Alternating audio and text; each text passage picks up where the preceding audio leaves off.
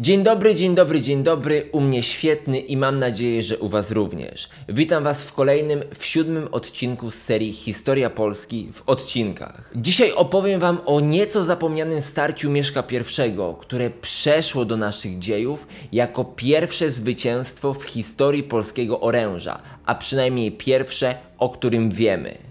Będzie to dość krótki film, ale warto poświęcić temu wydarzeniu osobny film. W poprzednim odcinku opowiedziałem Wam o chrzcie Polski, o jego konsekwencjach, o tym, czy w Polsce znajdowało się biskupstwo ze stałą siedzibą, czy biskupstwo misyjne.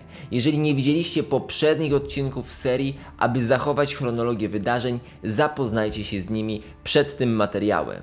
To tyle tytułem wstępu, zaczynajmy dzisiejszą opowieść.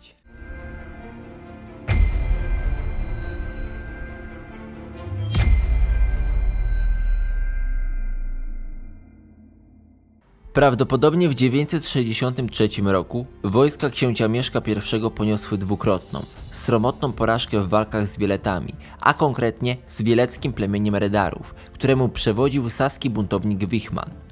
To prawdopodobnie w efekcie tych wydarzeń Mieszko I spojrzał szerzej na swoją sytuację i rozważył, co może zrobić, a czego nie. Możliwe, że w najważniejszym grodzie państwa, w Gnieźnie, zapadła decyzja o porozumieniu z chrześcijańskimi Czechami, pozostającymi w prawdopodobnym sojuszu z Wieletami. Ceną nowego przymierza rozrywającego rzekomy sojusz Czechów z Wieletami był ślub Mieszka I z czeską księżniczką Dobrawą oraz przyjęcie chrześcijaństwa. Doszło do tego odpowiednio w 965 i 966 roku. W ten sposób Mieszko I dołączył do grona chrześcijańskich władców Europy i stał się przyjacielem cesarza Ottona, choć akurat mógł być nim już wcześniej, o czym opowiedziałem wam w poprzednich odcinkach. Książę kształtującej się Polski chciał także dokończyć to, co zaczął w 963 roku. Zmazać plamę sprzed kilku lat i podbić Pomorze. Nim to jednak nastąpiło, Mieszko I musiał stawić czoło najeźdźcom z tych terenów. Ją Trzycielowi Wichmanowi, zwanym także drugim młodszym, który tym razem stał na czele pomorskiego plemienia Wolinian, uznawanego przez Ibrahima ibn Jakuba za jedno z plemion wieleckich, których prawdopodobnie wspierali wieleccy redarowie, mający doświadczenie w potyczkach z Mieszkiem, choć nie ma o tym wzmianki u Widukinda z Korbei. Szczegóły tego wydarzenia znamy dzięki przekazowi wspomnianego Widukinda.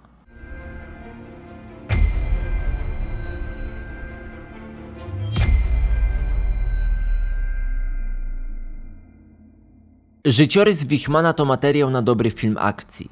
Dawny hrabia z rodu Bilungów, syn hrabiego Wichmana I, zwanego starszym, kuzyn Ottona I, znany jest w historii Niemiec jako wielki buntownik. Polityk pozostawał w opozycji zarówno wobec swojego wuja Hermana Bilunga, margrabiego Marchi Bilungów, jak i wobec króla Ottona, swego kuzyna. Wygnany z kraju znalazł nowy dom u Słowian Połapskich, gdzie spiskując, czekał na okazję do uderzenia na swojego wuja. Ta nadarzyła się m.in. w 967 roku, kiedy to książę słowiańskiego plemienia Wagrów, Żelibor, zbuntował się przeciwko Hermanowi Bilungowi i podjętym przez niego decyzją w konflikcie Żelibora z księciem obodrytów Mistawem. Żelibora wsparł Wichman ze swoim oddziałem, jednak po oblężeniu grodu Starigard, siedziby Wagrów, buntownicy ponieśli porażkę, a wojów Wichmana poddano torturom. Wichman stawiając nie po raz pierwszy w swym życiu na złego konia, musiał ponownie uciekać z terenów zależnych od wuja, tym razem do Wolinian u ujścia Odry. To tylko jeden z epizodów z buntowniczego życiorysu Wichmana.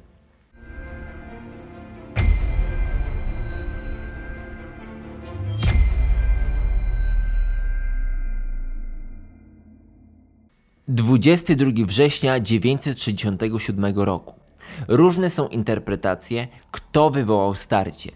Czy był to Mieszko chcący podbić Pomorze, czy Wolinianie chcący odeprzeć jego natarcie? A może nacierał Wichman, podburzający Wolinian?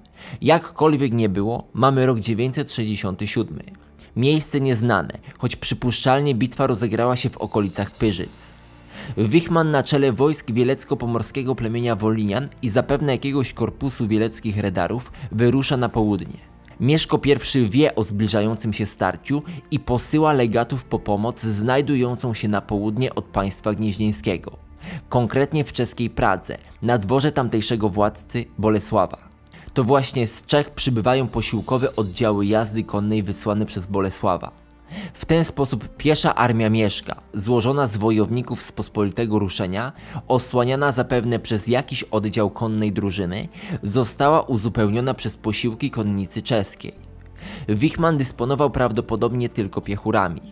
W miejscu starcia rozbił swój obóz, przygotowując się do wielkiej bitwy o Pomorze. Oddajmy głos Widukindowi. A kiedy Wichman wyruszył na niego z wojskiem, ten wystawił przeciw niemu głównie piechurów. Wówczas przed Wichmanem zaczęli cofać się wojowie Mieszka tak, aby odciągnąć go jak najdalej od obozu. Na tyły posłał konnicę. Na dany znak cofający się piechurzy przerwali odwrót i nastąpili na wroga. Możemy spróbować odtworzyć ustawienie wojsk bazując na wiedzy o ówczesnej strategii. Wichman ustawić mógł swoje oddziały w kilku szeregach i ruszyć do przodu tak zwaną ławą. Podobne ustawienie wojsk Mieszka nagle zaczęło się cofać, dając zapewne złudne poczucie rosnącej przewagi Wolinianom. Wichman mógł wtedy wierzyć w trzecie z rzędu zwycięstwo nad Mieszkiem. Z podania kronikarza dowiadujemy się jednak, że doszło tutaj do pewnego fortelu. Piechurzy Mieszka odciągnęli wojska najeźdźców od obozu, a cofając się, zrobili miejsce dla konnicy, która dotychczas flankowała piechurów, choć możliwe, że także w jakiejś części pozostawała ukryta na tyłach. Gdy rozległ się umówiony sygnał, piechurzy Mieszka I zaczęli przejść naprzód. W ten czas doszło do rozstrzygającego manewru. Ponownie zacytuję Widukinda. Wichman naciskany i z przodu i z tyłu rozpoczął ucieczkę. Sprzymierzeńcy oskarżyli go o zdradę, skoro sam ich nakłaniał do bitwy, a teraz przy lada okazji widzi nadzieję w konnej ucieczce. Wichmana przymuszono do zejścia z konia i pieszej walki wespół ze sprzymierzeńcami.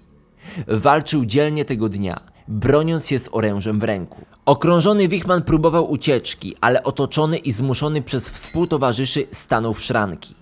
Widukind nie podaje szczegółów porażki Wichmana, ale po dalszej relacji kronikarza dowiadujemy się, że taka nastąpiła.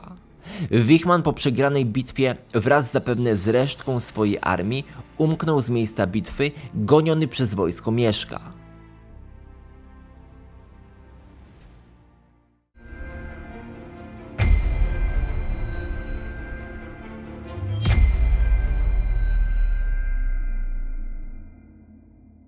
Wyczerpany głodem i długą drogą, jaką pieszo i uzbrojony przebył w nocy, z rana wraz ze swoimi przyszedł do czyjegoś obejścia.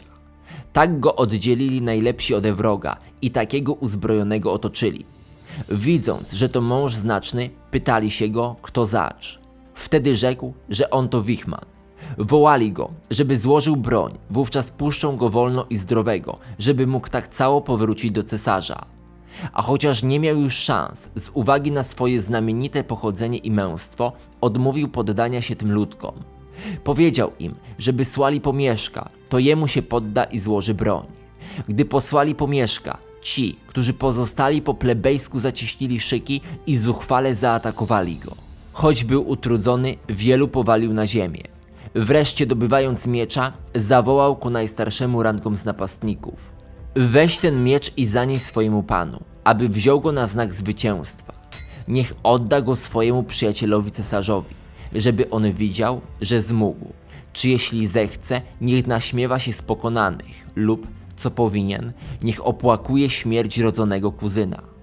Gdy to powiedział, na tyle, na ile mógł, obrócił się ku wschodowi i w ojczystym języku modlił się do Boga o miłosierdzie od Stworzyciela wszechrzeczy dla jego duszy otoczonej cierpieniem i nieszczęściem. Tak skończył Wichman i tak skończyli niemal wszyscy, którzy podnieśli broń przeciwko cesarzowi, twojemu ojcu. Wiemy z dalszego podania Widukinda, że cesarz otrzymał broń swego kuzyna, Wichmana, a więc najpierw musiał otrzymać ją Mieszko na znak zwycięstwa.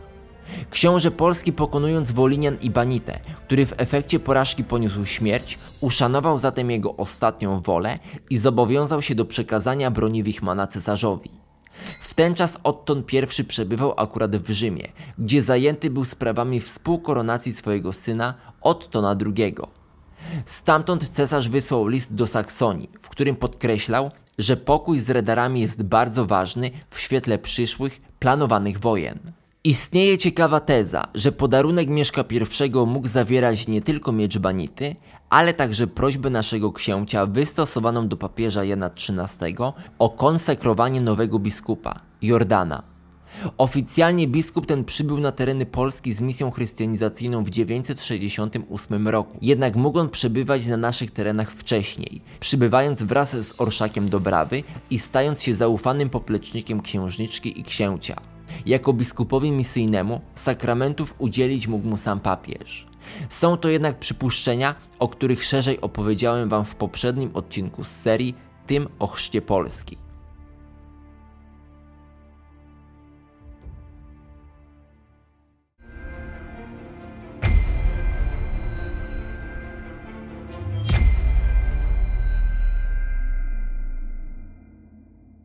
Niestety nie znamy szczegółów bitwy z innych źródeł niż podanie Widukinda, ani dokładnego miejsca jej stoczenia. Historycy szacują, że strony dysponowały podobną liczbą piechurów w ilości około 5-6 tysięcy. Decydujące o zwycięstwie Mieszka okazały się prawdopodobnie konne posiłki czeskie. Jakkolwiek nie było, z bitwy wyciągnąć możemy trzy fakty. W 967 roku wojsko, nazwijmy je polskim, Mimo, że prawdopodobnie złożone z pospolitego ruszenia, to walczyło już w rozczłonkowanym, ale zorganizowanym szyku i potrafiło zastosować zaawansowane manewry, tak jak ten z zaplanowanym wycofaniem się części wojsk w celu zwabienia nieprzyjaciela w zasadzkę i umożliwienia reszcie wojsk ataku z flanek i od tyłu. Drugim faktem jest to, że jest to pierwsze potwierdzone zwycięstwo wojsk polskich w historii polskiego oręża. Jako trzeci fakt warto wskazać, że wraz ze zwycięstwem nad Wichmanem i Wolnianami, wspieranymi zapewne przez wieleckich redarów, Mieszko I w końcu utorował sobie drogę do podbicia Pomorza i jest możliwe, że na pewien czas uzależnił tereny Wolinian od swego władztwa. Co do obecności Wieletów, badacze spierają się, czy tacy wspierali Wichmana, czy Mieszko I walczył tylko z Wolinianami. Moim zdaniem Badając wspomniany list wysłany do Saksonii przez cesarza, traktujący o konieczności zachowania pokoju z redarami, dowodzi, że byli oni częścią drużyny buntowniczego Wichmana, także w bitwie z Mieszkiem. Musimy jednak pamiętać, że walka o Pomorze nie została wtedy zakończona. Mieszka I czekała jeszcze jedna bitwa. Słynna bitwa pod Cedynią. Będzie to jednak tematem kolejnego odcinka z serii. Sam Wichman i jego postać to jak wspomniałem niesamowity życiorys i materiał na niezwykle ciekawy film.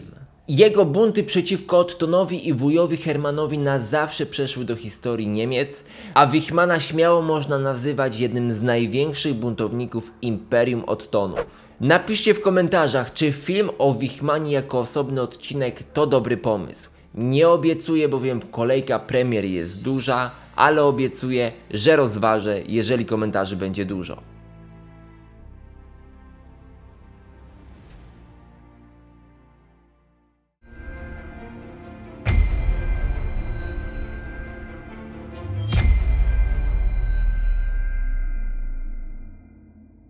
W tym materiale to wszystko. Jeżeli nie widzieliście poprzednich odcinków z serii, koniecznie zapoznajcie się z nimi. Link do całej playlisty, do całego cyklu znajduje się w opisie. Jeżeli film Wam się spodobał, ocencie go łapką, zostawcie komentarz oraz subskrypcję z dzwonkiem po to, aby nie ominęła Was żadna z przyszłych premier. A premiery będą jeszcze dwie, trzy, trzy odcinki jeszcze będą do końca pierwszego sezonu, który zakończy się na śmierci Mieszka I.